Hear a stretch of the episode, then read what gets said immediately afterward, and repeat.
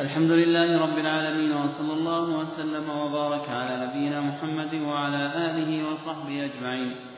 أما بعد ففي هذا اليوم التاسع من شهر ربيع الآخر لعام أربعة وثلاثين وأربعمائة وألف ينعقد هذا المجلس الثالث في شرح كتاب التوحيد للإمام للإمام المجدد محمد بن عبد الوهاب لفضيلة شيخنا الشيخ الدكتور عبد الله العنقري رحمه حفظه الله تعالى في جامع عثمان بن عفان رضي الله عنه بحي الوادي في الرياض. قال رحمه الله تعالى باب الخوف من الشرك. الحمد لله وصلى الله وسلم على رسول الله وعلى آله وصحبه أجمعين. يربط طالب العلم هذه الأبواب. الأبواب السابقة الأول في معرفة التوحيد. الثاني في فضل التوحيد. الثالث فيما يتعلق بتحقيق التوحيد. هذا الرابع في ذكر ما يضاد التوحيد. الشيخ رحمه الله تعالى جعل للأبواب طريقة على النحو الذي ذكرنا لك. أوله متعلق بمعرفة التوحيد ومعناه. الثاني في فضله. الثالث كما نبهنا في الأسبوع الماضي في مرتبة أعلى من مجرد الفضل وهو فضل تحقيق التوحيد. هذا الرابع في ذكر ما يضاد التوحيد. لأنه لا يكفي أن تعرف التوحيد وتعمل به بل لا بد أن تعرف ضد التوحيد. لأن الذي لا يعرف ضد التوحيد يمكن أن يقع فيه وهو لا يدري أنه قد أخل بالتوحيد. أو قد أنقص التوحيد. الشرك إما أن يكون أكبر فيكون مضادا لأصل التوحيد وإما أن يكون أصغر فيكون منقصا للتوحيد. فسواء كان شركا أو أصغر أصغر أو أكبر فإن معرفته مسألة لا بد منها. وبه تعرف أنك لن تضبط أمر التوحيد ومعناه حتى تعرف ضده. وعلامة ذلك أن يجد طالب العلم في هذا أن يتبين طالب العلم في هذا قاعدة مهمة جدا في باب الاعتقاد. أن معرفة حقيقة الإيمان تؤدي إلى معرفة حقيقة الكفر. فمن أخل بمعنى الإيمان أخل بالكفر معناه التوحيد. إذا لم تضبط معنى التوحيد لم تضبط معنى الشرك. لأن الأمور كما قيل وبضدها تتبين الأشياء. فالذي لا يعرف حقيقة الإيمان سيخلط قطعا في الكفر ومعناه. الذي لا يعرف حقيقة التوحيد سيخلط قطعا في الشرك ومعناه. ولهذا يقع في الشرك أقوام ولم يدروا أنهم وقعوا في الشرك. لأنهم توهموا للشرك معنى غير المعنى الحقيقي. على سبيل المثال الذين قالوا إن الشرك هو أن تعتقد أن مع الله تعالى خالقا.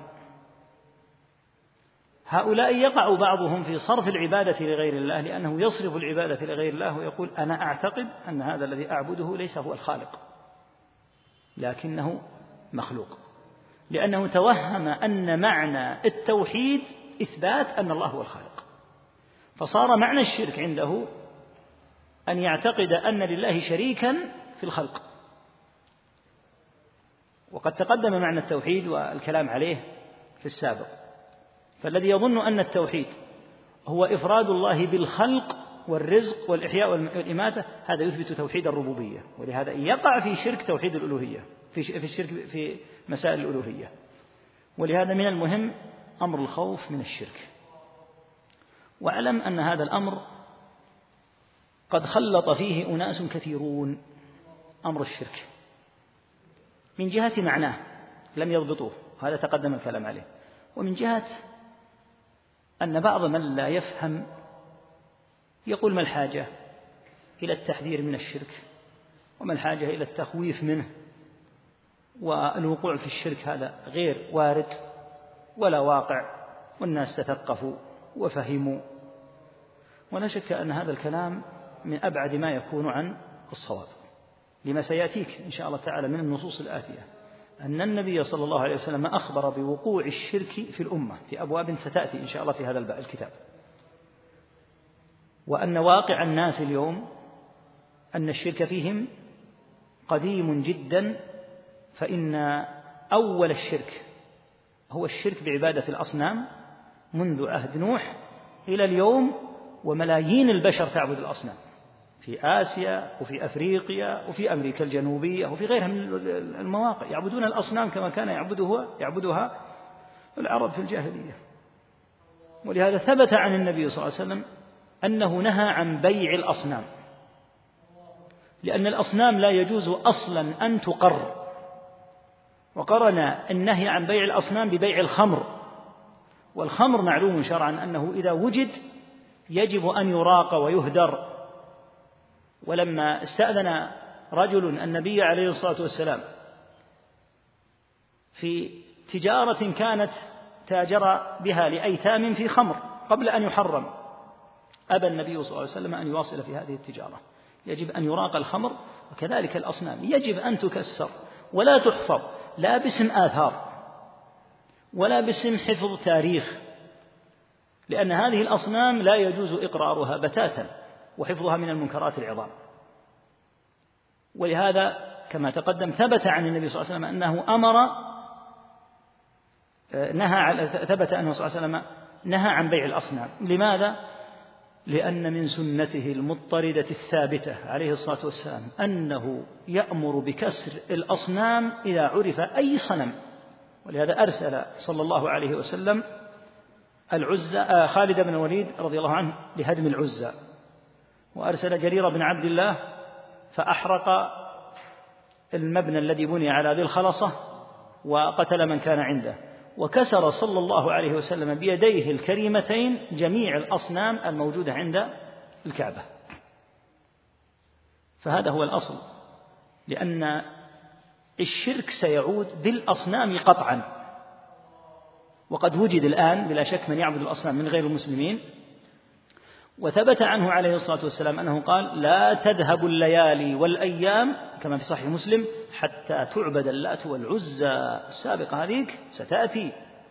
وثبت عنه عليه الصلاة والسلام في الصحيحين أنه قال لا تقوم الساعة حتى تضطرب أليات نساء دوس على ذي الخلصة. وذو الخلصة معبود دوس في الجاهلية. سيعيدونه مرة أخرى هنا في جنوب الجزيرة العربية. ويأتي عليه كلام بإذن الله عز وجل في بابه. الحاصل أن الشرك أمر مخوف سواء الأصغر أو الأكبر.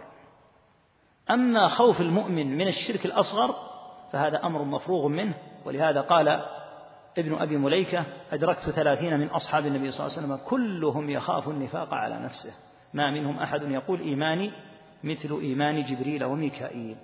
مقصود النفاق هنا ما هنا ما يتعلق بالأمور التي لا تخرج من الملة قطعا لكن مثل مسائل الرياء ونحوها هذه لا يأمنها عاقل.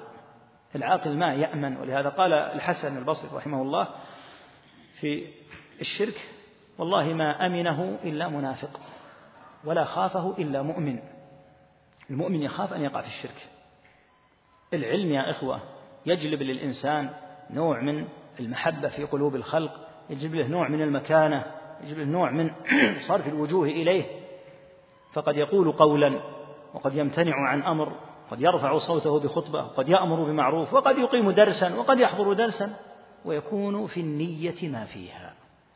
فلهذا أمر الشرك لا شك أن العاقل يخافه ولا يزكي نفسه فيه.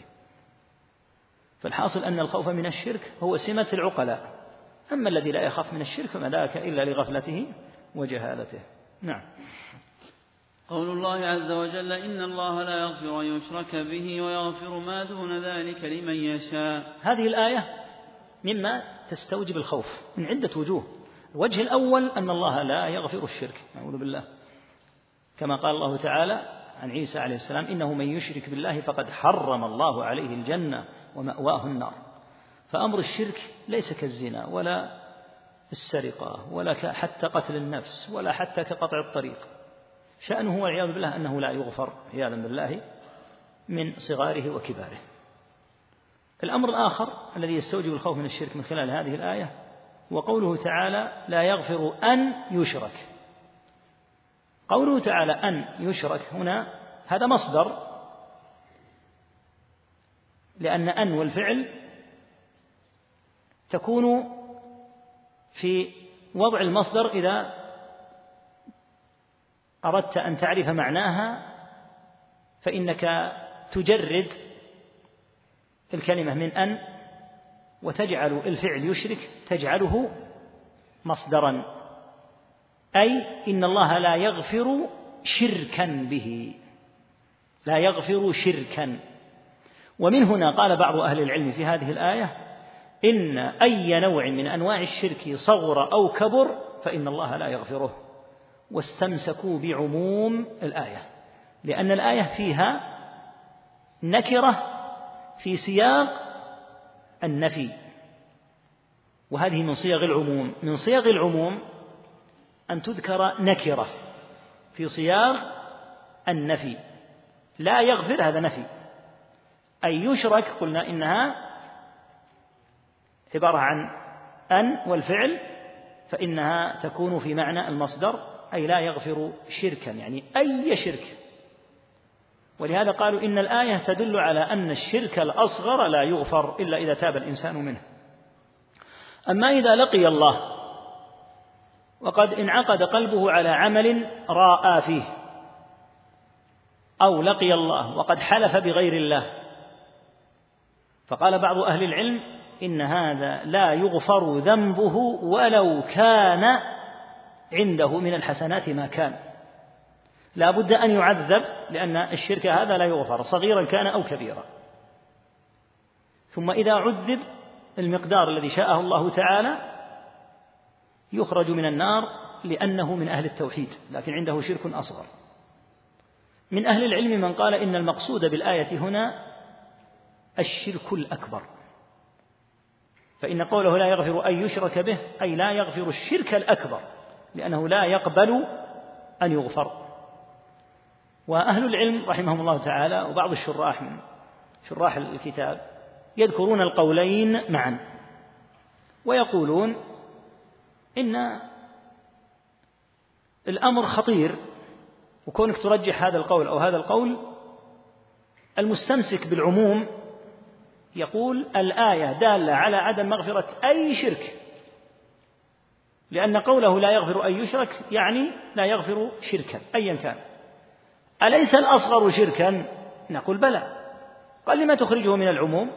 لا يغفر أي شرك رياء حلف بغير الله كله داخل. كيف تخرج من عموم الآية؟ القول الثاني لأهل العلم قالوا بلى. يخرج لأن هذا الذنب ذنب يقع فيه الموحد. فشأنه شأن الكبائر كالزنا وشرب الخمر وغيره فيقع في كفة السيئات وحسناته تكون في كفة الحسنات فيقبل الموازنة. قد يغفره الله. إن رجحت كفة الحسنات وكانت حسناته عظيمة رجحت بأخطائه الكبائر منها وحتى الشرك الأصغر. فالأمر مخوف بلا شك ولهذا ذكره الشيخ رحمه الله ذكر الآية هنا في باب الخوف من الشرك. قال تعالى ويغفر ما دون ذلك. ما هنا تفيد العموم أي أن الله يغفر كل الذنوب دون الشرك. التي دون الشرك ما الذي دون الشرك؟ جميع الذنوب. من قتل لأنه أكبر ذنب يقع فيه الإنسان هو الشرك. الذنب الثاني في الدرجة هو القتل من حيث من حيث الذنوب. وإن كان جنس البدع أشد من جنس الذنوب. جنس البدع أسوأ من جنس الذنوب ولهذا قال سفيان رحمه الله البدعة أحب إلى إبليس من المعصية لأن البدعة لا يتاب منها والمعصية يتاب منها. فالحاصل أن الأمر كما ترى مخوف بلا شك والعاقبة فيه نعوذ بالله من صغار الشرك وكباره مخوفة. ويغفر ما دون ذلك هذه الآية من أعظم الآيات دلالة وحجة على الخوارج وعلى المعتزلة الذين قالوا إن صاحب الكبيرة يخلد في النار. لأن الله تعالى بين أن ما سوى الشرك فإنه يغفره إذا شاء سبحانه بحمده ومعلوم أن قوله ويغفر ما دون ذلك لمن يشاء إذا قال لا يغفر أن يشرك به انتهى خرج الكفار. الكفار هؤلاء لا يمكن أن يغفر لهم. يبقى قوله ويغفر ما دون ذلك أي للموحدين هذا المعنى. لأنه إذا أخرج الكفار لا يغفر أن يشرك به خرج الكفار. الكفار هؤلاء قد يئسوا من رحمة الله عياذا بالله. يبقى أمر ما دون الشرك من زنا وسرقة وقطع طريق وقتل وعقوق الوالدين وقطيعة للرحم وكل الذنوب. فمع فظاعتها ومع احتمال أن يدخل صاحبها جهنم كما دلت النصوص الأخرى إلا أن الله قد يغفر. لكن لمن؟ لمن يشاء ويغفر ما دون ذلك لمن يشاء. فالأمر مخوف بلا شك. وهذا يستوجب من الدعاة إلى الله. وممن يحرصون على سنة رسول الله صلى الله عليه وسلم وأن يكونوا معه في القيامة أن يركزوا على خطورة الشرك. وأن يكون أمر الشرك عندهم في التحذير في المقام الأول. التحذير من الشرك يجب أن يكون أظهر من تحذيرنا من الزنا. أظهر من تحذيرنا من قطع الطريق أظهر من تحذيرنا من عقوق الوالدين لأن هذا الذنب والعياذ بالله هو الذي لا يغفر. ثم إن العبد إذا أبعد عن الشرك وكان أقرب إلى التوحيد أمكن بحول الله تعالى أن يترك كثيرا من ذنوبه. فمزية التوحيد العظيمة في الدنيا من جهة الأعمال أنها من أسهل الطرق لعودة التائب. عن ذنوبه. فالموحد ممن مثلا يشرب الخمر يحضر بعض الأحيان خطبة جمعة ويسمع ما في الخمر من الوعيد أو ما في الآخرة والقيام لرب العالمين فإذا سمع ذلك لأنه موحد تاب إلى الله وأقلع عن الخمر أو عن الزنا أو عن غيره لأن عنده توحيدا.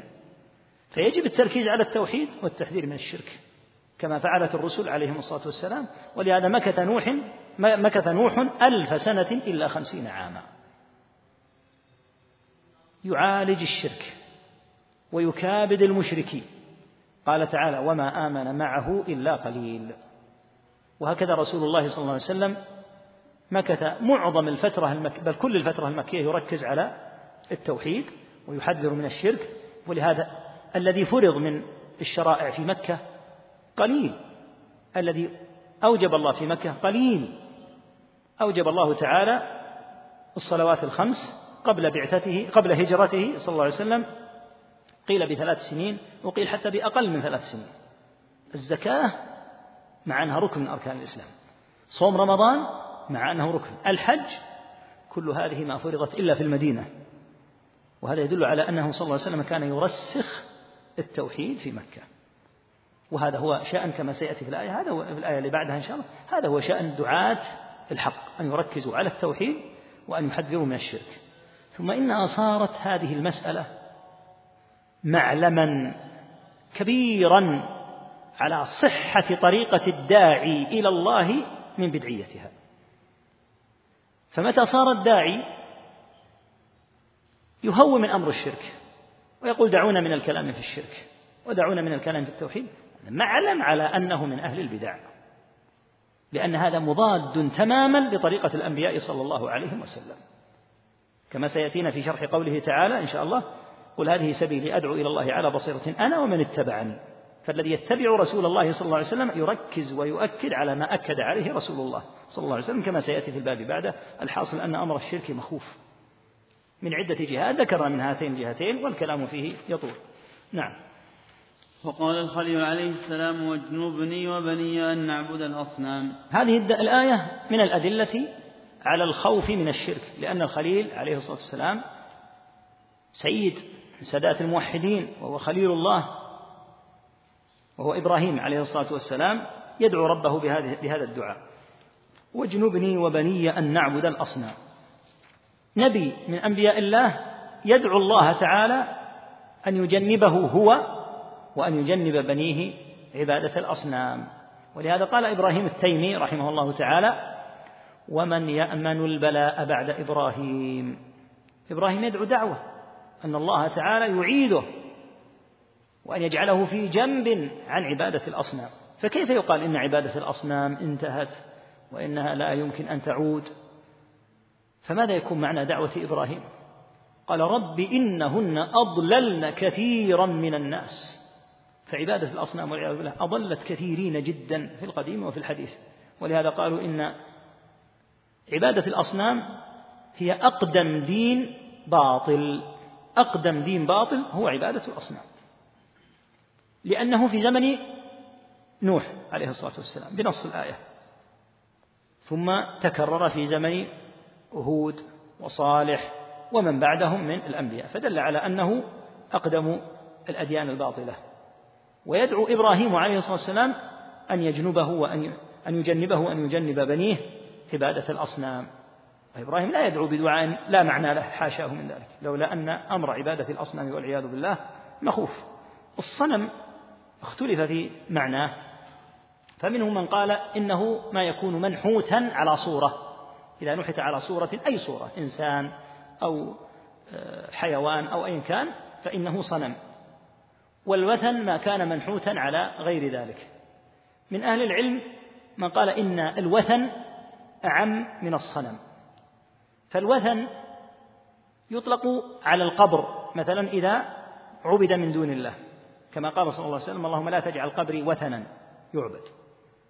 والصنم يعد وثنا. فالوثن أعم أكثر عموما من كلمة الصنم. ولهذا قال بعض أهل العلم إن الصنم ما كان منحوتا على صورة. أما الوثن فإنه يشمل ما كان منحوتا على صورة ويشمل حتى المواضع. لو أن قبرا اتخذ يعبد فهو وثن. لو أن صخرة عبدت فهي وثن. والصنم المنحوت على صورة وثن. وبالتالي فالوثن أعم من الصنم. وفي الحديث أخوف ما أخاف عليكم الشرك الأصغر. أخوف. أخوف ما أخاف عليكم الشرك الأصغر. فسئل عنه فقال الرياء. الأمور التي خافها عليه الصلاة والسلام على الأمة جاءت في عدد من الأحاديث منها قوله صلى الله عليه وسلم أخوف ما أخاف عليكم. هذه صيغة. ومنها قوله صلى الله عليه وسلم إن مما أخاف عليكم. هذه صيغة ثانية. الصيغة الأولى أخوف ما أخاف. هذه الأشياء إذا جمعتها مثلا في الحديث وجدتها أشياء معينة. منها أن النبي عليه الصلاة والسلام خاف على أمته الدجال. لكن في الحديث أنه خاف على أمته ما هو أشد خطورة من الدجال. لا من جهة الفتنة وإلا الدجال كما في الحديث ليس من بين خلق آدم إلى قيام الساعة أمر أكبر من الدجال يعني في فتنته. لكن من جهة أن بعض الذنوب يقع فيها أناس ولا يتفطنون لها. ومما خافه عليه الصلاة والسلام على الأمة الأئمة المضلين. أخوف ما أخاف عليكم الأئمة المضلين. ومما خافه عليه الصلاة والسلام الشرك الأصغر. وجاء في الحديث عنه عليه الصلاة والسلام أنه قال أكثر منافقي أمتي قراؤها والعياذ بالله. يعني أن النفاق يكثر في طلبة العلم. لما قلناه من أن العلم يجلب لحامليه نوعا من الشهرة والمحبة في قلوب الخلق فقد يضعف الإنسان ويسترسل في محبة مثل هذه الأمور وقد يتخذ مواقف وأقوالا وتصرفات يكون الحادي والسبب فيها هو حب أن يشتهر ويظهر. واعلم أن هذا الأمر عافانا الله وإياك منه اشتد في فترة الإعلام هذه.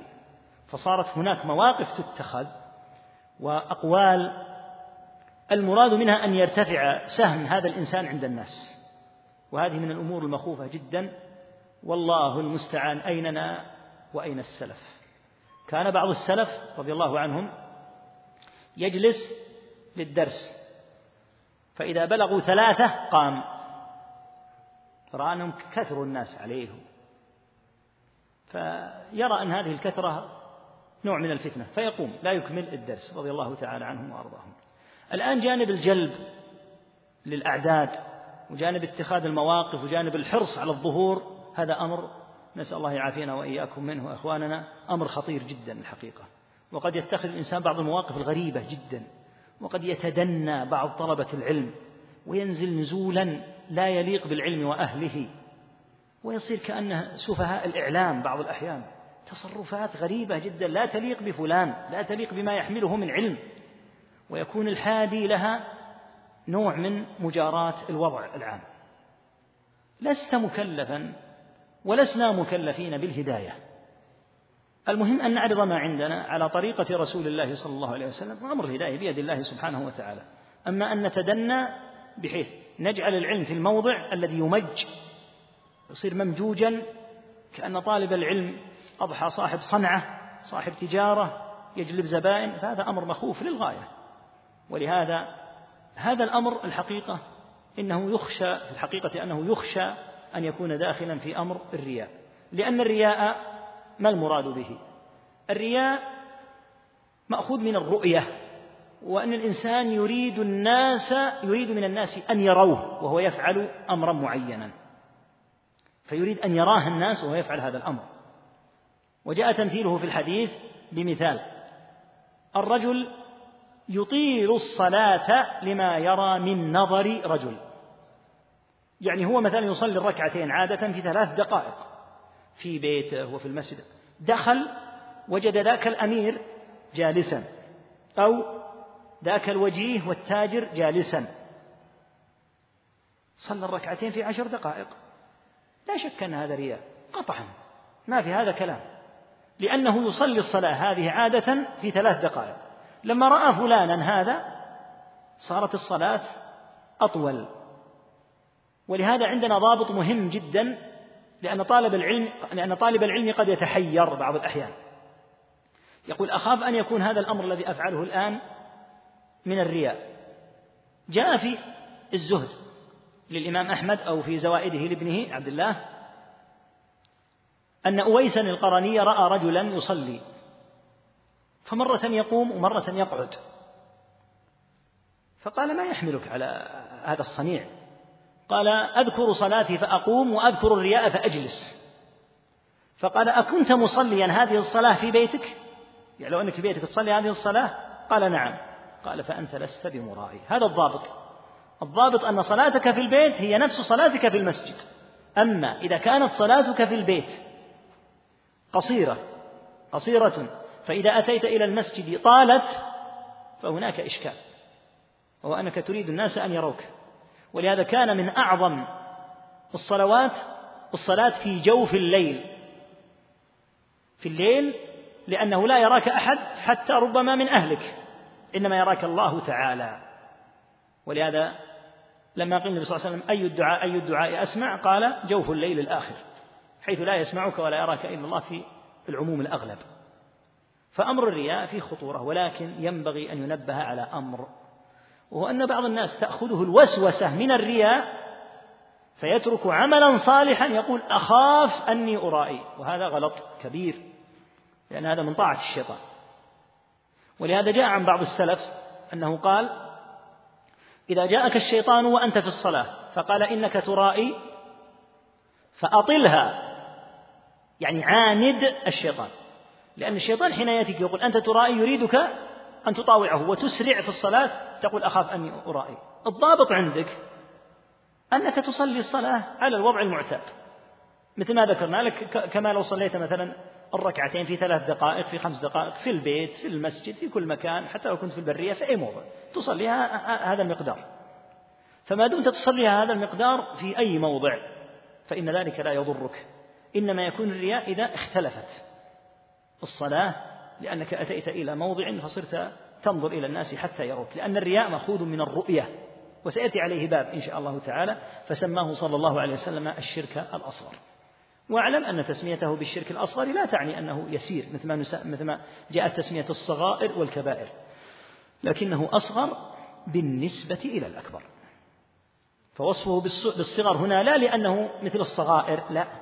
لهذا قال أهل العلم إن جنس الشرك الأصغر أعظم من جنس الكبائر. والدليل عليه قول ابن مسعود رضي الله عنه. الدليل عليه أولا الآية السابقة إن الله لا يغفر أن يشرك به. لأن أهل العلم منهم من قال إنه يدخل فيه حتى الشرك الأصغر. ومما يستدل به قول ابن مسعود رضي الله عنه لأن أحلف, لأن أحلف بالله كاذبا أحب إلي من أن أحلف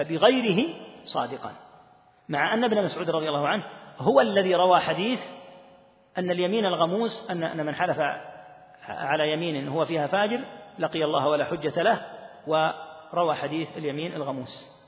هو يعرف يفهم أنها من الكبائر. ومع ذلك قال أسهل علي أن أحلف بالله وأنا أكذب من أن أحلف بغير الله كاذبا. لأن الحلف بغير الله شرك. أما الحلف بغير الله بالله كاذبا فإنه وقع فيه بلا شك. وقع في كبيرة لكنه حلف بالله وكلها عياذا بالله سيئة لكن بعضها أسوأ من بعض. لهذا قوله صلى الله عليه وسلم أخوف ما أخاف مطابق لقول المصنف باب الخوف من الشرك. فما دام صلى الله عليه وسلم يخاف الشرك الأصغر هذا الخوف الشديد حتى قال أخوف ما أخاف. هذا قلنا صيغة ليست مثل صيغة إن مما أخاف عليكم. هذا يكون من الأشياء المخوفة. لكن هذا نوع من الصيغ هو أخوف الأشياء التي تخاف. أخوف ما يخاف كما خاف عليه الصلاة والسلام الأئمة المضلين وخاف الشرك الأصغر ونحوها. نعم. وعن ابن مسعود رضي الله عنه أن رسول الله صلى الله عليه وسلم قال من مات وهو يدعو من دون الله ندا دخل النار. رواه البخاري. نعم. ولمسلم عن جابر رضي الله عنه أن رسول الله صلى الله عليه وسلم قال من لقي الله لا يشرك به شيئا دخل الجنة ومن لقيه يشرك به شيئا دخل النار. قول ابن مسعود رضي الله عنهما هنا يفسره الحديث. من مات وهو يدعو من دون الله ندا الند هو الشبيه. كما يفعل مثلا عباد القبور يأتون إلى صاحب القبر ويطلبون منه نفس ما تطلبه أنت أيها الموحد من الله نسأل الله العافية. هذا جعل صاحب القبر ندا. فصار يدعوه أن يوفقه للرزق أن يرد غائبه أن يفرج همه. هذه أمور لا تطلب إلا من الله. فإذا طلبت من غير الله فقد جعل غير الرب عياذا بالله جعل ندا. جعل شبيها لله تعالى. من مات وهو يدعو من دون الله ندا دخل النار.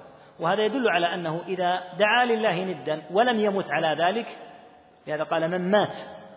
يعني إذا مات وهو على حال الشرك فإن هذا من أهل النار. كما قال تعالى إنه من يشرك بالله فقد حرم الله عليه الجنة ومأواه النار. وهكذا أخبر تعالى بهذا القيد في من مات.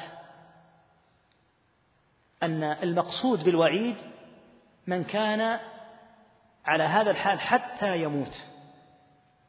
فيمت وهو كافر فأولئك حبطت أعماله. أما لو تاب قبل الموت فإنه يكفر عنه ذنبه إذا صدق في توبته. إذا قوله من مات وهو يدعو من دون الله ندا هذا قيد. فقد يدعو لله ندا فترة. ثم يتوب فلا يدخل النار وإنما المقصود من مات. وهذا يدل على أن الأمور كما في الحديث إنما الأعمال بالخواتيم. الحديث حديث جابر رضي الله عنه من لقي الله يعني من مات. لقي الله عز وجل لقاء الله سبحانه وتعالى يكون عندما يموت الإنسان. من لقي الله لا يشرك به شيئا دخل الجنة. وهذا كما قلنا مقيد بالأحاديث السابقة. يكون في عموم مشيئة الله لو كان من أهل الكبائر. لكن مرده برحمة الله إلى دخول الجنة لأنه لقي الله موحدا. وهذا الذي يجعل أهل السنة يقولون إن صاحب الكبائر وإن عذب فإنه يدخل الجنة. لقوله تعالى ويغفر ما دون ذلك لمن يشاء ولمثل هذه النصوص من لقي الله لا يشرك به شيئا دخل الجنة يعني ولو كان من أهل الكبائر فإذا استوجب الدخول إلى النار وعذب فيها فإنه بعد ذلك يخرج منها إلى الجنة. لأن الجنة دار الموحدين فإذا عصى الله تعالى عوقب بقدر معصيته إذا أراد الله أن يعاقب وإلا فقد يغفر الله له ويدخله الجنة بلا عقوبة. أو يكتفى بما لقيه من العقوبة في القبر أو بما لقيه من العقوبة في عرصات القيامة. كما في حديث مانع الزكاة أنه تصفح له صفائح من نار فيكوى بها جنبه وجبينه وظهره في يوم كان مقداره خمسين ألف سنة. قال ثم يرى سبيله إما إلى الجنة وإما إلى النار. يعني أنه بعد هذا العذاب نعوذ بالله قد يدخل النار. وقد يكتفى بما وقع له في العرصات في خمسين ألف سنة فيكتفى بعذابه فيدخل الجنة وإن كان مانعا للزكاة. وهذا يدل على أن أهل التوحيد يدخلون الجنة. إنما البلاء في من لقي الله مشركا فإنه قد حرمت عليه الجنة. قال ومن لقيه مشركا ومن لقيه يشرك به شيئا دخل النار. وهذا تقدم أكثر من مرة أن قوله تعالى من لقيه أن قول النبي صلى الله عليه وسلم وقول الله عز في مواضع أخرى من لقيه يشرك به يشرك به شيئا. أي شيء؟ ملائكة أنبياء صالحون جن حجر شجر إذا لقيه يشرك إذا لقي الله يشرك به شيئا دخل النار والعياذ بالله. ولهذا قال تعالى وأن المساجد لله فلا تدعوا مع الله أحدا. لاحظ أنها صيغ نكرة تعم إذا كانت في سياق النفي أو سياق النهي. لا تدعو مع الله أحدا أي أي أحد. ولو كانوا ملائكة ولو كانوا ملائكة. أو أنبياء أو أنبياء. ولهذا نص الله تعالى على الملائكة والأنبياء بقوله ولا يأمركم أن تتخذوا الملائكة والنبيين أربابا. ثم قال أيأمركم بالكفر؟ بعد إذ أنتم مسلمون فدل على أن عبادة الملائكة كفر وعلى أن عبادة الأنبياء كفر فعبادة الصالحين من باب أولى. إذا كانت عبادة الملائكة والأنبياء كفر بنص القرآن فعبادة من سواهم من باب أولى. الحاصل أن هذه قاعدة كبيرة في العقيدة أن من لقي الله تعالى لا يشرك به شيئا دخل الجنة إما بلا حساب ولا عذاب كما تقدم في حديث من حقق التوحيد. وإما بعد عذاب يشاؤه الله تعالى لهم في النار أو في العرصات ثم يكون مردهم بإذن الله تعالى ورحمته إلى الجنة. ومن لقيه يشرك به شيئا دخل النار ولهذا فإن من أقبح وأعظم المنكرات أن يترحم على اليهود والنصارى كما يفعله من لا يستحون. إذا مات أحد اليهود قالوا مات المرحوم فلان.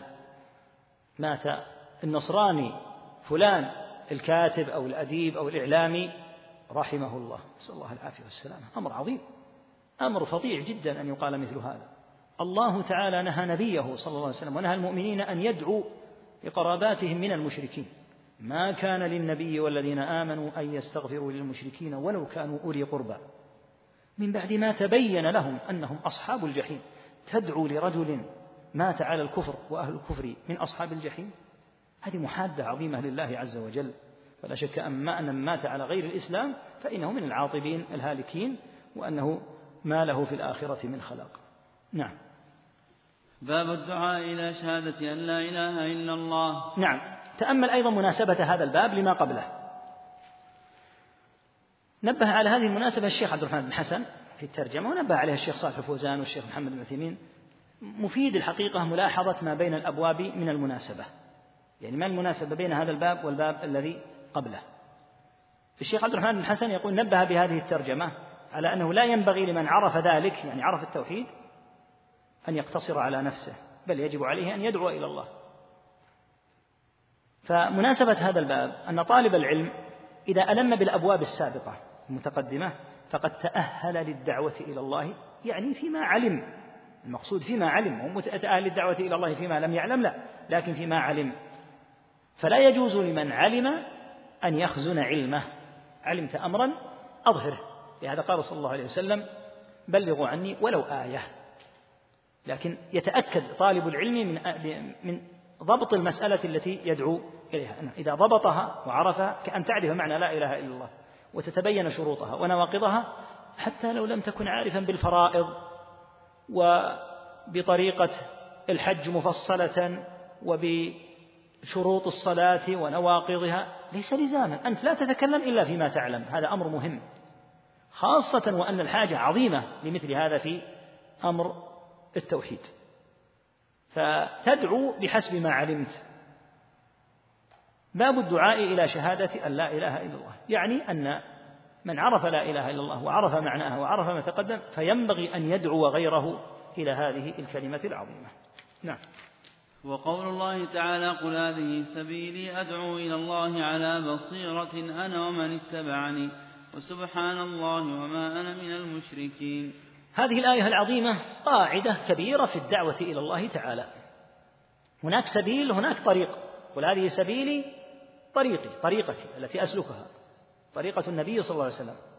قل هذه سبيلي كلام موجه للنبي صلى الله عليه وسلم. قل أي يا محمد هذه أي هذه الدعوة التي أدعو إليها سبيلي أي طريقتي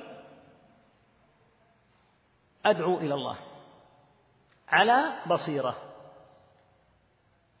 هذا أمر في غاية الأهمية أن يكون الداعي على علم بما يدعو لأنه لا يصلح أن يدعو إلا إذا كان قد علم. ولهذا ترجم البخاري رحمه الله بقوله باب العلم قبل القول والعمل. وقول الله تعالى فاعلم أنه لا إله إلا الله واستغفر لذنبك. لاحظ في الآية البدء بالعلم. فهنا خطأان شائعان. الخطأ الأول هو الذي عقد المصنف الباب على نقضه. وتحذير المؤمن من الوقوع فيه وهو أن من الناس من عندهم علم ويحتاج إلى علمهم في بلادهم أو في غير بلادهم لكنهم لا يدعون. عنده علم الناس بحاجة إليه لكنه لا يدعو. كسول أو مقدم ومؤثر لدنياه.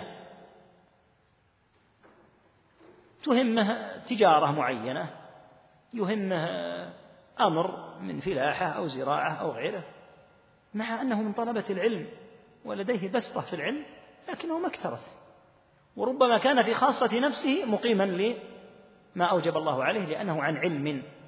لكن أين الناس؟ الناس من حولك يشركون والناس من حولك لديهم أخطاء كثيرة في عبادتهم وعقيدتهم وسلوكهم. لو أنك خطبت خطبة جمعة.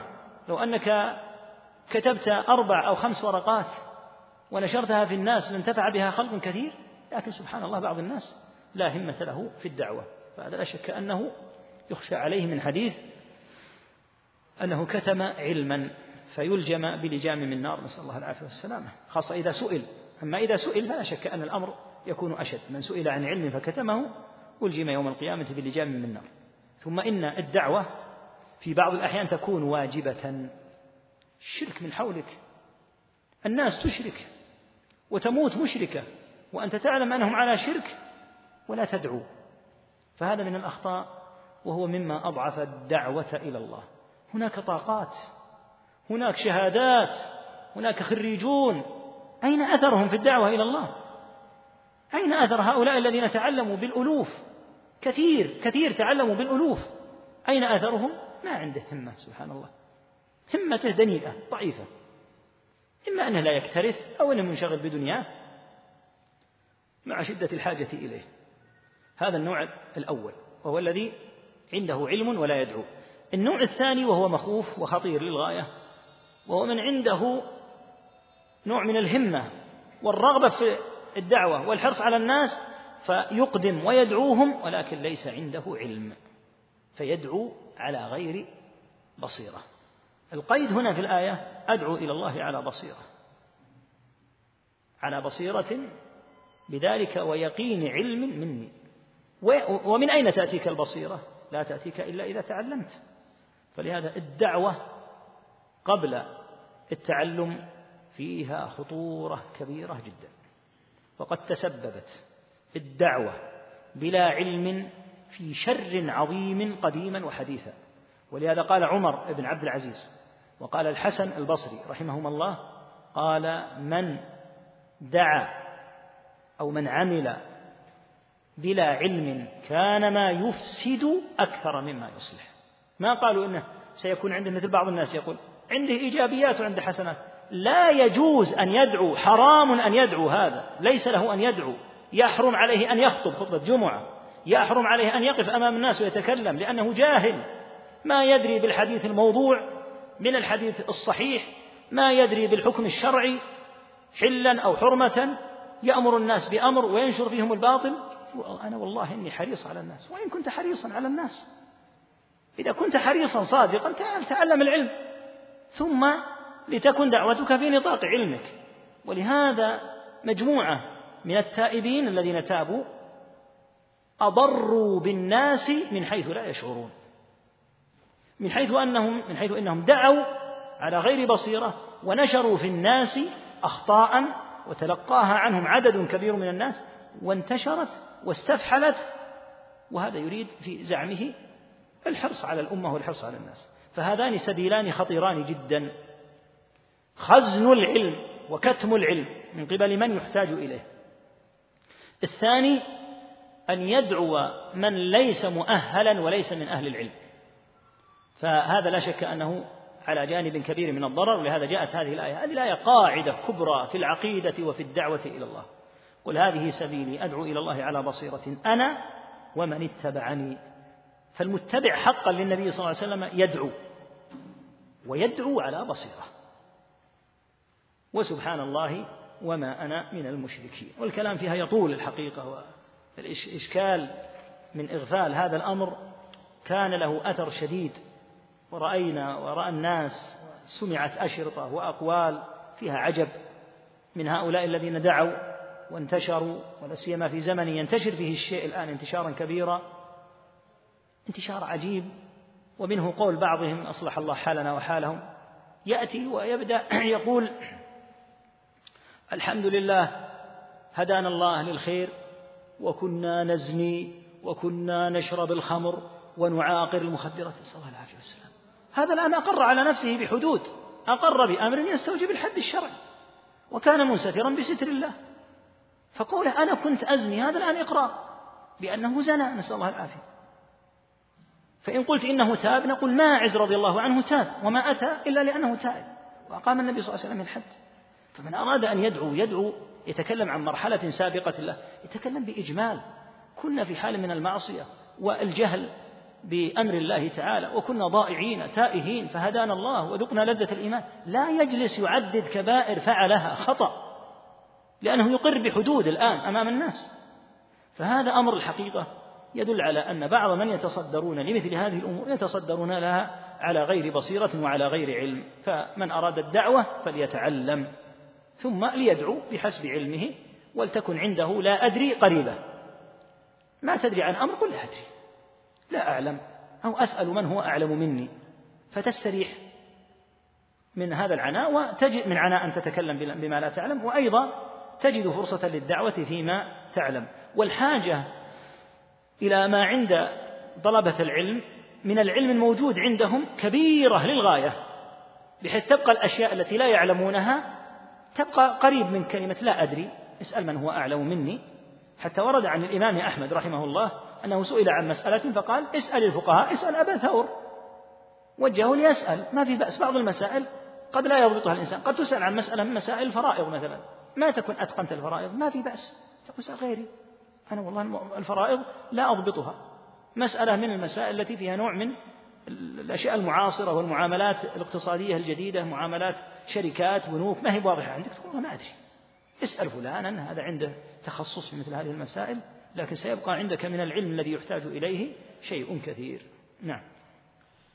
عن ابن عباس رضي الله عنهما أن رسول الله صلى الله عليه وسلم لما بعث معاذا إلى اليمن قال له إنك تأتي قوما من أهل الكتاب فليكن أول ما تدعوهم إليه شهادة أن لا إله إلا الله وفي رواية إلى أن يوحدوا الله فإنهم أطاعوك لذلك فأعلمهم أن الله افترض عليهم خمس صلوات في كل يوم وليلة. فإنهم أطاعوك لذلك فأعلمهم أن الله افترض عليهم صدقة تؤخذ من أغنيائهم فترد على فقرائهم. فإنهم أطاعوك لذلك فإياك وكرائم أموالهم. واتق دعوة المظلوم فإنه ليس بينها وبين الله حجاب. رحم الله رحم, رحم الله المؤلف الشيخ محمد الحق أن اختياره للنصوص دقيق جدا. فأنت إذا تأملت الباب هذا باب الدعوة إلى شهادة أن لا إله إلا الله إذا ضبط بالآية السابقة قل هذه سبيلي أدعو إلى الله على بصيرة ثم ضبط بالحديث هذا رتب للداعي إلى الله الأمر ترتيبا. أدعو إلى الله على بصيرة يتعلم. ثم يدعو. الأمر الثاني إذا أراد أن يدعو يدعو إلى ماذا؟ بأي شيء يدعو. فجاء بهذا الحديث الذي فيه ترتيب الأولويات في الدعوة بما إلى أي شيء ندعو. أول شيء ما هو؟ ثم إذا دعونا إلى هذا الأمر الأول قد يستجاب لنا وقد لا يستجاب لنا. فإذا لم يستجب لنا ماذا نفعل؟ ثم إذا استجيب لنا ما الثاني الذي ندعو إليه؟ فاختياره رحمه الله تعالى اختيار لا شك أنه اختيار فقيه عالم رحمه الله.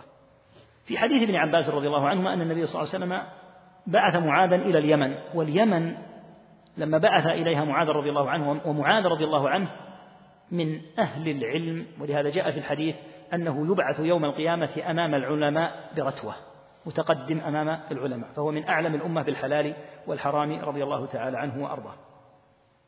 إنك تأتي قوما من أهل الكتاب. لماذا قال من أهل الكتاب؟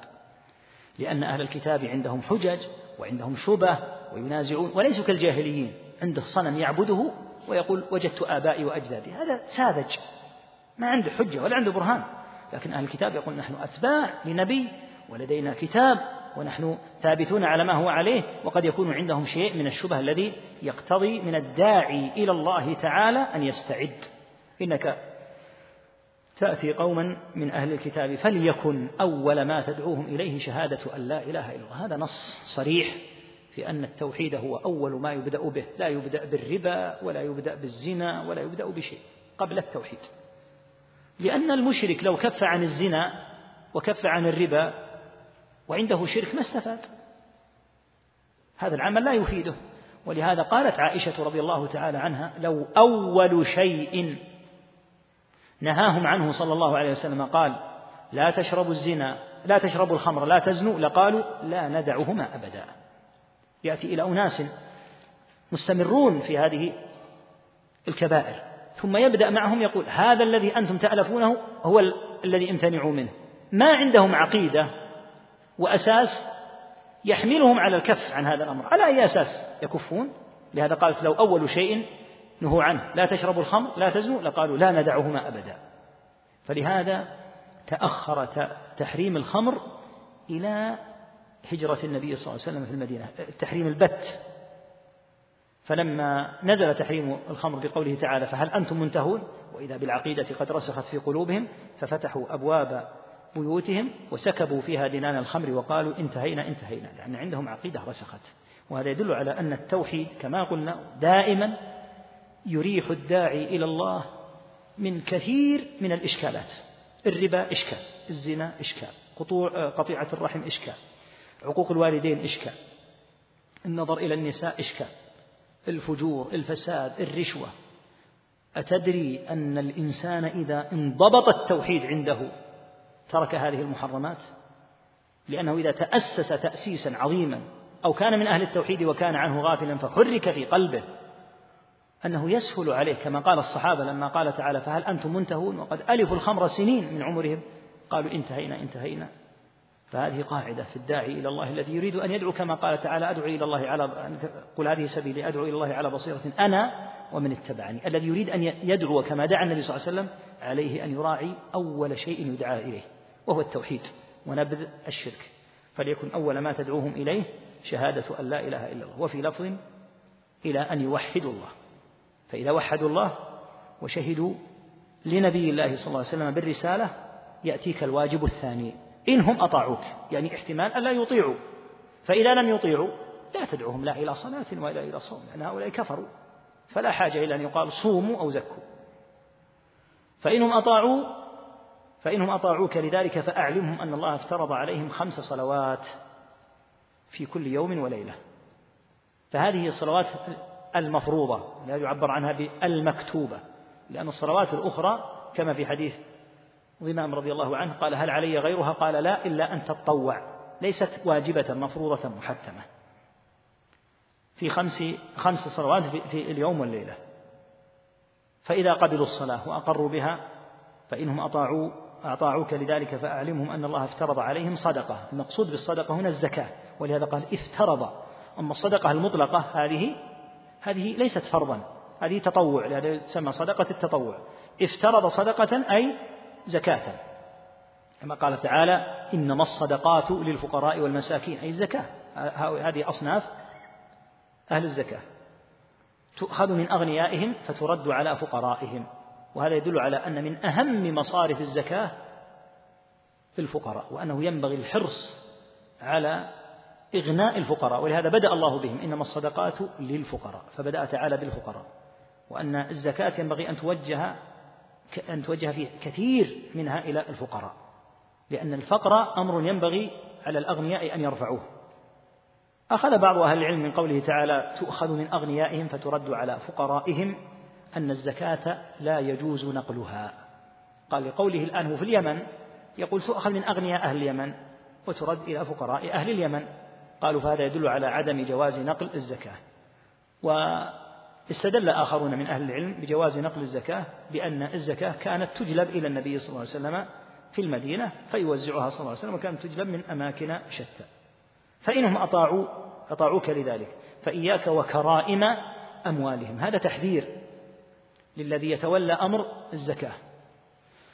معلوم أن الزكاة تجب في الإبل وفي البقر وفي الغنم. فإذا جاء الساعي ليأخذ النصاب المفروض في هذه الأغنام أو الإبل أو البقر فإنه يجتنب نوعين. فلا يأخذ الهزيلة المريضة الضعيفة لأنه يضر بالفقراء. ولا يأخذ النفيسة التي هي أحسن ما في هذا القطيع. لا يجوز له ذلك لأن هذا من الظلم وسماه صلى الله عليه وسلم ظلما. فإياك وكرائم أموالهم الأشياء التي هي نفيسة عندهم. يعني بعض الإبل تصل إلى مبالغ عالية بل بعض الإبل قد قد يكون البعير كما ورد عن علي رضي الله عنه أنه باع بعيرا يدعى عصيفير أو اشتراه بعشرين بعيرا فالواحد منها لا يحل أنك تأخذ هذا النفيس. وأيضا لا تأخذ الهزيل ولكن يؤخذ الوسط إلا إذا تبرع صاحب المال. قد يقول صاحب المال أنا محب لزكاة مالي وأحمد الله الذي فرض هذه الزكاة. لا تأخذ الوسط خذ الأنفس وأحسن ما في مالي وقال جزاك الله خيرا يؤخذ. لكن بطيب نفس منه. ثم قال واتق دعوة المظلوم فإنه ليس بينها وبين الله حجاب. أمر الظلم أعاذنا الله وإياكم من شديد وخطير. والمظلوم حتى لو كان كافرا تجاب دعوته. ولهذا روى الإمام أحمد رحمه الله هذا الحديث في المسند بزيادة واتق دعوة المظلوم فإنه ليس بينه وبين الله حجاب وإن كان كافرا. حتى لو كان كافرا.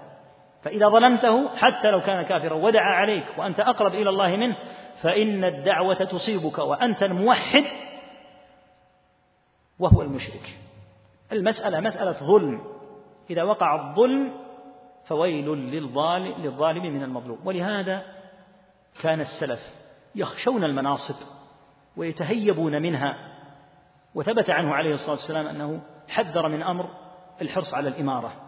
إنكم ستحرصون على الإمارة وإنها ستكون في القيامة خزيا وندامة فنعمة المرضعة وبئسة الفاطمة لأنه يندر يندر ألا يظلم الأمير. قد يظلم حتى وهو غير متعمد قد يخطئ. ولهذا جعل صلى الله عليه وسلم في السبعة الذين يظلهم الله في ظله يوم لا ظل إلا ظله أول صنف ملك عادل لأن العدل أمر ليس بالسهل العدل يقتضي أن تقيم الحق على القريب كما تقيمه على البعيد وهذا ليس بالهين. ولهذا قال صلى الله عليه وسلم ليتمنين أقوام أنهم معلقون بالثريا وأنهم لم يلوا عملا. فأمر الولايات والحرص عليها والحرص على الإدارات والرئاسات والعمادات ونحو ذلك لا شك أنه أمر مخوف وأنه يقل من يظلم من, من لا يظلم يقل من لا يظلم في مثل هذه الأمور إلى من أعانه الله عز وجل. ولهذا حذرنا منها. وأعطينا قاعدة عنه عليه الصلاة والسلام أن من حرص على الإمارة فإنه لا يعان عليها. الذي يحرص هذا لا يعان. ولهذا قال صلى الله عليه وسلم تجدون خيار الناس.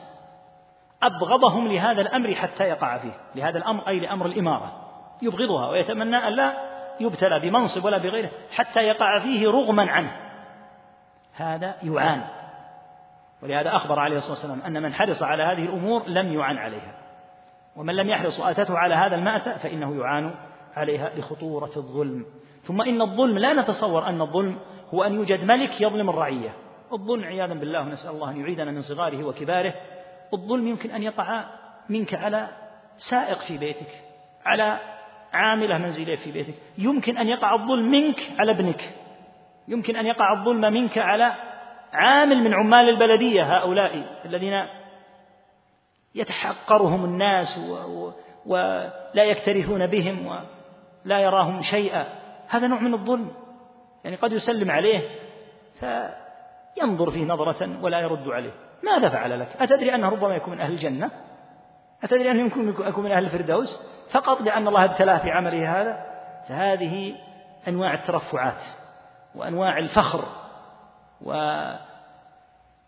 ترفع الإنسان بنفسه واغتراره بها عياذا بالله ظلم وينشأ عنها في كثير من الأحيان مظالم وهو لا يشعر أنه ظلم. فلهذا قال واتق دعوة المظلوم. فإنه لو دعا هذا المظلوم فإنه تقبل دعوته. ولهذا جاء في الحديث أن الله تعالى يرفعها فوق الغمام ويقول وعزتي وجلالي لأنصرنك ولو بعد حين. فالظلم أمر مخوف وينبغي الحذر منه والتوقي منه قدر المستطاع والمعان على ذلك من أعانه الله ولكن ما هنالك أمر مثل العافية. لا يوجد أمر مثل العافية من المناصب. أن تفر منها فرارك من الأسد. لأنك ما دمت إنسانا عاديا فأمورك في بيتك وفي من حولك إلى حد كبير لعل الله أن يعينك. لكن إذا تصدرت للناس وصرت في الموضع الذي يراجعك فيه الناس ويأتونك فيه الناس فلا شك أن الأمر في هذا أمر جلل وكبير وأنه يندر ألا يقع من الإنسان مظلمة. فلهذا مثل ما قلنا كان السلف يحذرون من هذه المناصب غاية الحذر. نعم. ولهما عن سعد بن سعد رضي الله عنه أن رسول الله صلى الله عليه وسلم قال يوم خيبر لأعطين الراية غدا رجلا يحب الله ورسوله ويحبه الله ورسوله يفتح الله على يديه.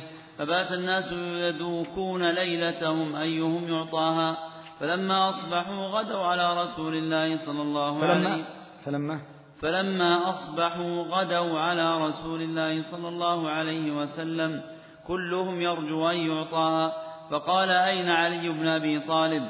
فقيل هو يشتكي عينيه. فأرسلوا إليه فأتي به. فبصق في عينيه ودعا له فبرئ كأن لم يكن به وجع.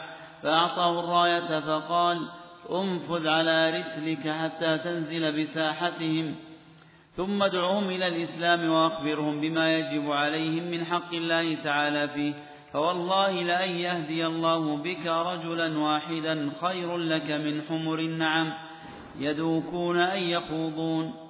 نعم شاهد الباب آخره آخر الحديث. والله لأن يهدي الله بك رجلا واحدا خير لك قبله لما أمره بأن يدعوهم إلى الإسلام هو المتعلق بالباب هو الدعوة إلى شهادة أن لا إله إلا الله. الحديث فيه أن النبي عليه الصلاة والسلام يوم خيبر خيبر كانت موضعا يقطنه اليهود فتحت منها حصون بالقوة وكانت تمنعت على المسلمين. فقال عليه الصلاة والسلام يوما لأعطين الراية رجلا يحب الله ورسوله ويحبه الله ورسوله. قال شيخ الإسلام رحمه الله في هذا الوصف لعلي رضي الله عنه إن هذا من فضائل علي وله نظائر له نظائر في الصحابة رضي الله عنهم كقول النبي عليه الصلاة والسلام في الأنصار الأنصار لا يحبهم إلا مؤمن ولا يبغضهم إلا منافق والله تعالى قد أحب أصحاب محمد صلى الله عليه وسلم لطاعتهم لكن علي رضي الله عنه كان من أفضل أصحاب النبي صلى الله عليه وسلم فهو أفضل الصحابة بعد أبي بكر وعمر وعثمان رضي الله تعالى عنهم وأرضاهم. قال لأعطين الراية غدا رجلا يحب الله ورسوله. وهذا موجود أن يحب الإنسان الله تعالى ورسوله ولكن الشأن كل الشأن كما قال بعض أهل العلم ليس الشأن أن تحب لكن الشأن أن تحب ويحبه الله ورسوله. الشأن أن يحبك الله سبحانه وتعالى. ثم فيه بشارة أخرى قال يفتح الله على يديه. ففيه بشارة بأنه يحب الله ورسوله وأن الله يحبه ورسوله والبشارة الثانية أن الله تعالى يفتح الحصن هذا على يديه.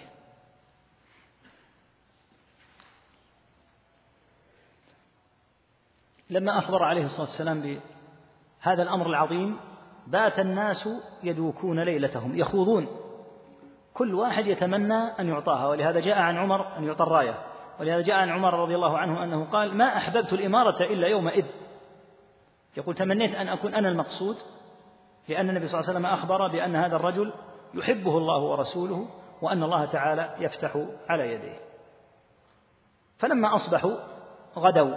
الغدو هو المجيء أول النهار. ولهذا تسمى صلاة الفجر صلاة الغداة. والأكلة التي تؤكل الصباح تسمى الغداء. يعني عكس ما عندنا. نحن الآن عندنا اسم الغداء هو في الظهر لكن في اللغة أكلة الصباح هي هي الغداء. إذا قال تغدينا يعني أكلنا أكلة الصباح. لهذا سميت صلاة الفجر بصلاة الغداة غدوا على رسول الله صلى الله عليه وسلم كلهم يرجو أن يعطاها ولا يلومهم أحد. من يلومهم الآن؟ في أن كل واحد يتمنى أن يعطى الراية. وقد أخبر صلى الله عليه وسلم أن من أعطيها فإنه يحب الله ورسوله ويحبه الله ورسوله وأن الله سيجعل الفتح على يديه. فقال أين علي بن أبي طالب؟ فقيل هو يشتكي عينيه. كان معه رضي الله عنه ألم في عينيه. فأرسلوا إليه فأتي به رضي الله تعالى عنه وأرضاه وكان بعينيه رمد. فبصق أي تفل في عينيه. على سبيل الرقية وتفله صلى الله عليه وسلم ليس كغيره فكان صلى الله عليه وسلم إذا تنخم أو تفل وقعت في يد الصحابة رضي الله عنهم من حبهم للتبرك بآثاره صلى الله عليه وسلم فدلك بها الواحد منهم جسده وهذا من التبرك المأذون فيه والتبرك بآثاره صلى الله عليه وسلم لما كان موجودا عليه الصلاة والسلام أو آثاره لما كان آه، قريب الوفاة لكن الكلام الكذب الذي تقوله الصوفية عندنا شعرة موجودة من شعرات النبي صلى الله عليه وسلم ولكن يقول عندنا شيء من آثار النبي صلى الله عليه وسلم كل هذا كذب ودجل يستفزون به الناس ويضحكون عليهم أو يقول لك هذا قدح شرب فيه النبي صلى الله عليه وسلم. قدح شرب فيه النبي صلى الله عليه وسلم من أكثر من 1400 سنة. كل هذا كذب وعبث بهؤلاء العوام والجاهلين. فبصق في عينيه ودعا له يعني دعا الله تعالى أن يعافيه فبرأ. عوفي في الحال مباشرة. كأنه لم يصبه وجع. فأعطاه الراية. لما أعطاه صلى الله عليه وسلم الراية بين له طريق الدعوة. قال أنفذ على رسلك. أمره عليه الصلاة والسلام إذا مضى إلى هؤلاء القوم أن ينفذ على حال من الرفق وعدم العجلة على رسلك وانزل بساحتهم اللي المقصود فناء الأرض. فإذا نزل في فناء الأرض وما حولها دعاهم إلى الله عز وجل. وأخبرهم ثم ادعهم إلى الإسلام وأخبرهم بما يجب عليهم من حق الله تعالى فيه. فوالله لأن يهدي الله بك رجلا واحدا خير لك من حمر النعم. أخبر عليه الصلاة والسلام أن هداية الله عز وجل لأحد على يدك هو أفضل من أشد ما يحبه العرب وأكثر ما ترغب فيه العرب وهو الإبل الحمراء. فالعرب كان من شأنهم أنهم يعظمون الإبل ويميلون إليها ميلا شديدا وهذه الإبل أنواع. منها أنها منها أنواع تحب في ألوانها وهي حمر النعم بإسكان الميم وضم الحاء. فهذه أنفس الأموال عندهم. فيقول لو هدى الله تعالى رجلا واحدا فهو خير لك من أنفس هذه الأموال. وهكذا يقال اليوم لو هدى الله تعالى على يدك رجلا واحدا فهو خير من كل ما يمكن أن يقتنيه الناس ويعظمونه من الأموال ويفخرون به ويفرحون به. لأن الله تعالى إذا هدى إذا هدى هذا على يديك كان لك أجره وكل عمل صالح يعمله فإنك تكون أنت الذي دعوته إلى الله تعالى فيه فيكون لك به أجره. نعم. باب تفسير التوحيد والشهادة أن لا إله إلا الله وقول هذا الباب كأنه زيادة في التوضيح والبيان وإلا تقدم كما رأيت في الآيات السابقة الأبواب السابقة تقدم إيضاح لا إله إلا الله ومعناها. لكنه أراد رحمه الله أن يزيد في تفسيرها ويبينها لأن النصوص المبينة لمعنى التوحيد كثيرة. فأراد أن يزيد البيان المقام بيانا. نعم. وقول الله تعالى أولئك الذين يدعون يبتغون إلى ربهم الوسيلة أيهم أقرب ويرجون رحمته ويخافون عذابه. إن عذاب ربك كان محذورا. هذه الآية العظيمة فيها بيان شأن عجيب لأهل الشرك وهو أن هؤلاء المشركين يعبدون مخلوقات من الملائكة أو الأنبياء أو الصالحين وهؤلاء الصالحون يدعون الله ويوحدونه فصار المشركون يشركون بموحدين. يعني حين يأتي ليدعو الملائكة الآن هو أشرك بالملائكة. الملائكة لا ترضى هذه العبادة لأن الملائكة يوحدون الله تعالى وأبغض شيء إليهم هو الشرك. وهكذا الأنبياء وهكذا الصالحون. ولهذا وجد قيد في الطاغوت. الطاغوت من عبد من دون الله وهو راضي. أما إذا لم يكن إذا إذا لم يرضى فمعاذ الله أن يقال إنه طاغوت لأنه يعبد من دون الله من يرضى ويعبد من لا يرضى. فالطاغوت تنصرف إلى الراضي بالعبادة. أما من لا يرضى بالعبادة فمعاذ الله أن يسمى طاغوتا. الآية هذه مسبوقة بقوله تعالى قل ادعوا الذين زعمتم من دونه فلا يملكون كشف الضر عنكم ولا تحويلا. هؤلاء الذين تدعونهم لا يملكون كشف الضر عنكم ولا تحويلا. أولئك يعني هؤلاء الذين تدعون يدعون أولئك الذين يدعون يبتغون إلى ربهم الوسيلة. الوسيلة السبب الذي يوصلك إلى شيء. كما قال تعالى يا أيها الذين آمنوا اتقوا الله وابتغوا إليه الوسيلة وما المراد بالوسيلة. ذكر ابن كثير أن الوسيلة بإجماع المفسرين هي العمل الصالح. الوسيلة التي توصلك إلى الله تعالى ليست نسبا ولا مالا ولا جاها وإنما الوسيلة التي توصل إلى الله تعالى هي العمل الصالح. ونقل هذا عن مجاهد وعن ابن عباس رضي الله عنهم.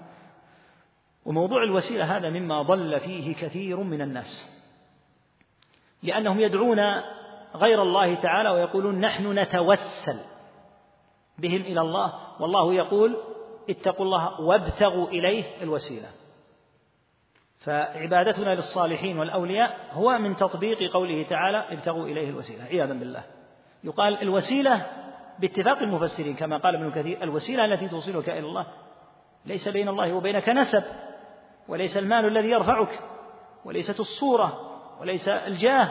إذا ليس بينك وبين ما يرفعك عند الله بعد رحمته إلا العمل.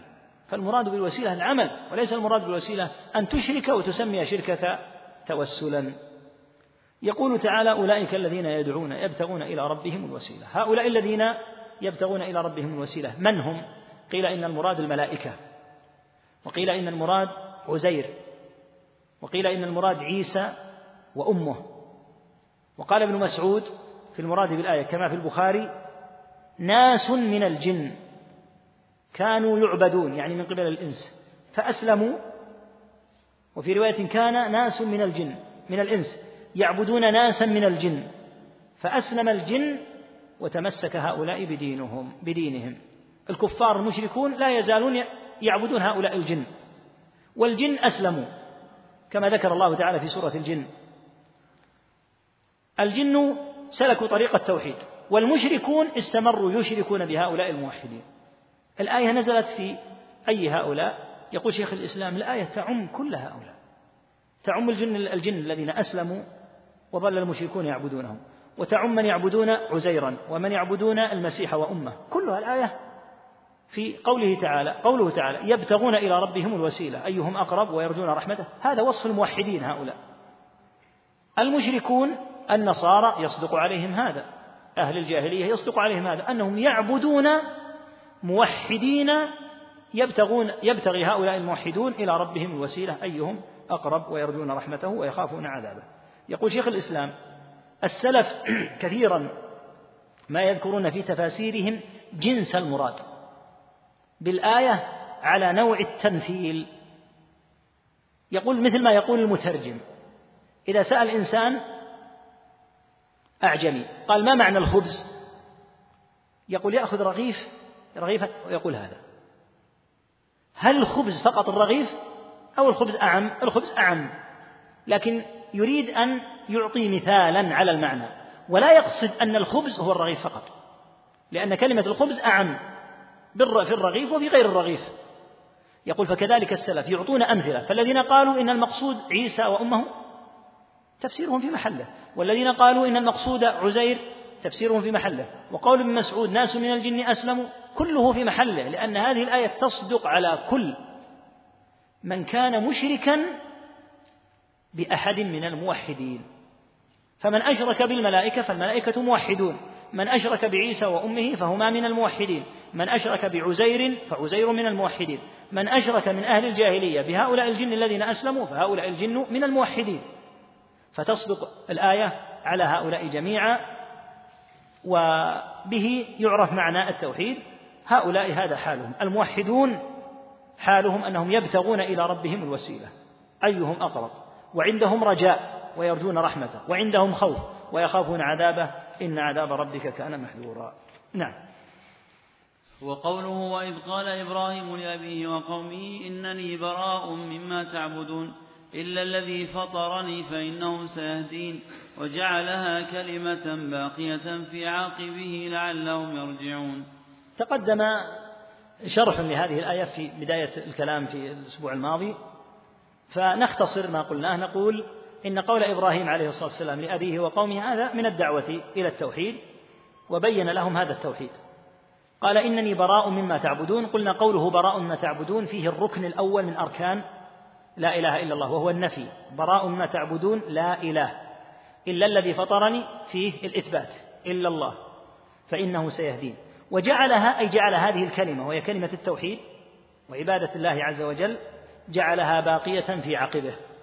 يعني في عقب إبراهيم. فلا يزال في نسل إبراهيم من يقول هذه الكلمة ويدعو إليها. نعم. وقوله اتخذوا أحبارهم ورهبانهم أربابا من دون الله الآية. نعم. هذه الآية أيضا فيها بيان أن التوحيد يقتضي ألا يكون أحد يتخذ ربا. سوى الله وحده لا شريك له. نعى الله على أهل الكتاب أنهم اتخذوا أحبارهم وهم العلماء ورهبانهم وهم العباد. اتخذوهم أربابا من دون الله. ما المراد باتخاذهم أربابا من دون الله؟ من أهل العلم من قال اتخذوهم أربابا من دون الله بالسجود لهم. قالوا فهذا من اتخاذهم أربابا لأن السجود السجود لا يكون إلا للرب تعالى. منهم من قال إن المراد باتخاذهم أربابا من دون الله أنهم كانوا يطيعونهم في التحليل والتحريم فإذا حللوا لهم أمرا محرما استحلوه وإذا حرموا عليهم أمرا مباحا حرموه. فاتخذوهم بذلك أربابا يشرعون لهم. وهذا الصنيع في التحليل والتحريم يكون على وجهين اثنين. الوجه الأول يخرج به الإنسان من الملة وهو أن يعلم أن حكم الله في المسألة هو كذا بالتحريم. فيحلله له أحد فيستحله وهو يعلم أن الله حرمه. فهذا يكفر لأنه استحل الحرام. وكذلك لو أنه حرم الحلال المعلوم المؤكد. الشيء المباح الحلال المؤكد كالخبز مثلا. لو حرمه أحد لكان قد حرم ما أحل الله. فإذا حرمه فمن أطاعه في تحريم ما أحل الله يكون قد كفر لأنه قبل تغيير حكم الله في هذه المسألة. النوع الثاني في تحليل ما في تحليل في اتباعهم في التحليل والتحريم أن يكون اعتقاده في التحريم والتحليل ثابتا بأن الذي حرمه الله حرام وأن الذي أباحه الله مباح لكن يطيع في المعصية لأجل منصب لأجل مجاراة الناس لأجل فمثل ما يفعل المسلم العاصي. فهذا لا يكفر ولكنه يكون من جنس أهل الذنوب الذين يقع منهم هذا. نبه شيخ الإسلام إلى مسألة مهمة جدا. وهي أن بعض الناس قد ينصر صاحب الحق ويأثم هو بنصره للحق. لماذا؟ لأنه ينصر صاحب الحق لا اتباعا للحق ولكن لهوى عنده مع هذا الذي نصر الحق إما لقرابة أو لنحوه فيتعصب للحق لا لأنه حق أنزله الله تعالى ولكن تعصب أهل الجاهلية الآن هذا تعصب لحق تعصب لصاحب الحق ومع ذلك يأثم لما؟ لأنه لم يكن نصره للحق وإنما نصره لهذا الشخص الذي عظمه لقرابته أو لكونه يتخذه إماما أو متبوعا فيأثم مع أنه يتبع من يدعو إلى الحق. لأن الواجب أن ينصر لا لذاته وإنما ينصر لكونه قد قال بالحق. وهذه من المسائل الدقيقة التي تدل على أن الإنسان قد ينصر من هو على حق وصواب ومع ذلك لا يؤجر بل يأثم لأنه لم ينصر هذا الشخص لأجل الحق وإنما نصره لهوى وعصبية جاهلية. نعم. وقوله ومن الناس من يتخذ من دون الله أندادا يحبونهم كحب الله والذين آمنوا أشد حبا لله. تقدم المراد بالأنداد وأنهم يتخذون من دون الله أندادا أمثالا ونظراء لله عياذا بالله نسأل الله العافية والسلامة. يحبونهم كحب الله. وتقدم الكلام على المراد بالمحبة. المراد بالمحبة هنا المحبة التي قال شارح التيسير وقال هنا رحمه الله تعالى الشيخ عبد الرحمن المحبة الخاصة التي لا تصلح إلا لله وضابطها أن تكون أن تكون بكمال الخضوع ونهاية الذل فهذه لا تصلح لنبي ولا لملك ولا لأب ولا لأم ولا لغيرهم لأن هذه خاصة بالله تعالى فمن أحب غير الله تعالى. مع الله على هذا النوع من المحبة فإنه يكون مشركا شركا أكبر. وهو الشرك الذي وقع فيه الكفار من طريق المحبة. ومن الناس من يتخذ من دون الله أندادا أمثالا ونظراء لله عياذا بالله يحبونهم كحب الله. نسأل الله العافية والسلامة. فهذا لا شك أنه شرك في المحبة. فمن بلغ إلى هذا الحد فإنه يكون مشركا. والذين آمنوا أشد حبا لله أي أشد حبا لله من محبة الكفار لأوثانهم. فمحبة الموحد محبة خالصة لأنه يحب الله تعالى محبة العبادة الخالصة. أما المشرك فمحبة مخلوطة يحب الله تعالى ويجعل لله ندا ونظيرا في المحبة فيصرف لله تعالى نصيبا منها ويصرف للمتبوع المتخذ ندا لله عز وجل نصيبا. نعم. وفي الصحيح وفي الصحيح عن النبي صلى الله عليه وسلم أنه قال من قال لا إله إلا الله وكفر بما يعبد من دون الله حرم ماله ودمه وحسابه على الله عز وجل. هذا مما يبين ويفسر التوحيد ولم يذكره رحمه الله في الأبواب السابقة وذكره هنا ولهذا أفرده كما قلنا أفرد هذا الباب لأن ثمة نصوصا يحتاج إلى أن تبرز ومن أعظمها هذا النص. هذا النص فيه أن حرمة من قال لا إله إلا الله ليست مطلقة إلا إذا كانت لا إله إلا الله كما أراد الله عز وجل أن يكون عليها قائل لا إله إلا الله. هنا قيد قيد وهو الكفر بما يعبد من دون الله. من قال لا إله إلا الله وكفر بما يعبد من دون الله حرم ماله ودمه. وهذه قاعدة مهمة عند طالب العلم أن عليه أن يجمع النصوص الواردة ثم يأخذ فقه المسألة من جميع النصوص. فعندنا حديث قوله صلى الله عليه وسلم من قال لا إله إلا الله دخل الجنة. هذا مقيد. يبتغي بذلك وجه الله. لا بد من الإخلاص. فإن الله حرم على النار من قال لا إله إلا الله يبتغي بذلك وجه الله. من مات وهو يعلم أنه لا إله إلا الله هذا قيد العلم كما ذكرنا في شروط لا إله إلا الله. ومنها القيد هذا وهو الكفر بما يعبد من دون الله. من قال لا إله إلا الله يحرم ماله ودمه بهذا القيد. وهو أن يكفر بما يعبد من دون الله. أما إذا قال لا إله إلا الله وقال أنا لا أعبد إلا الله وحده لا شريك له ولن أصرف العبادة لغير الله لكن لن أكفر بالمعبودات من دون الله فإنه لا يحرم دمه ولا ماله ولم يفهم تفسير التوحيد. الباب في تفسير التوحيد وشهادة أن لا إله إلا الله. شهادة أن لا إله إلا الله ليست معنى ليست لفظا يردد بلا معنى. لفظ له معناه ويترتب عليه لوازم عظيمة وله شروط. ومن أعظمها أن تكفر بالمعبود من دون الله كما قال الله تعالى في الآية السابقة عن إبراهيم إنني براء مما تعبدون إلا الذي فطرني فلا بد من البراءة من المعبودات من دون الله كما في الحديث وكفر بما يعبد من دون الله. وهو الطاغوت الوارد في قوله تبارك وتعالى فمن يكفر بالطاغوت ويؤمن بالله فقد استمسك بالعروة الوثقى. فالاستمساك بالعروة الوثقى لا بد فيه من الأمرين أن يقول لا إله إلا الله بشروطها وأن يكفر بالطاغوت المعبود من دون الله تعالى. هنا إذا حقق ذلك حرم ماله ودمه في الدنيا صار له في الآخرة ما للموحدين أما إذا قال لا إله إلا الله ولم يكفر بما يعبد من دون الله فإنه لا يحرم ماله ولا دمه في الدنيا ولا يكون له مال الموحدين. ثم قال وحسابه على الله عز وجل. إذا أتى بلا إله إلا الله وكفر بالمعبود من دون الله تعالى فأمر الحساب في هذا إلى الله تعالى. ولهذا قال المصنف رحمه الله تعالى الشيخ محمد بن عبد الوهاب علق على هذا في بعض في إحدى مسائل كتاب التوحيد لأن هذا من أعظم ما يبين معنى لا إله إلا الله. قال فإنه لم يجعل التلفظ بها عاصما للدم والمال. قال بل ولا معرفة معناها مع لفظها. بل ولا الإقرار بذلك. بل ولا كونه لا يدعو إلا الله وحده لا شريك له بل لا يحرم ماله ودمه حتى يضيف إلى ذلك الكفر بما يعبد من دون الله.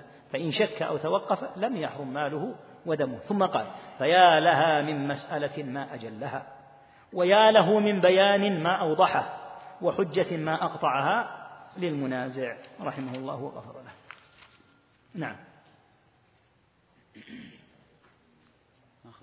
وشرح هذه الترجمة بقي. وشرح هذه الترجمة. وشرح هذه الترجمة ما, ما, ما بعدها من الأبواب. مراده رحمه الله هذه الترجمة المذكورة هنا باب تفسير التوحيد. وشهادة أن لا إله إلا الله سيأتي بعدها تراجم كثيرة جدا تزيد على الخمسين.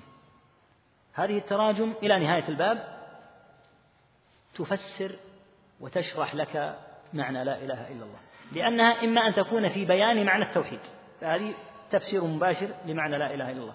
وإما أن تكون في بيان شيء من الشرك سواء كان الأصغر أو الأكبر وقد علمنا أن الشرك لا يمكن أن يتحقق لك التوحيد إلا باجتناب الشرك.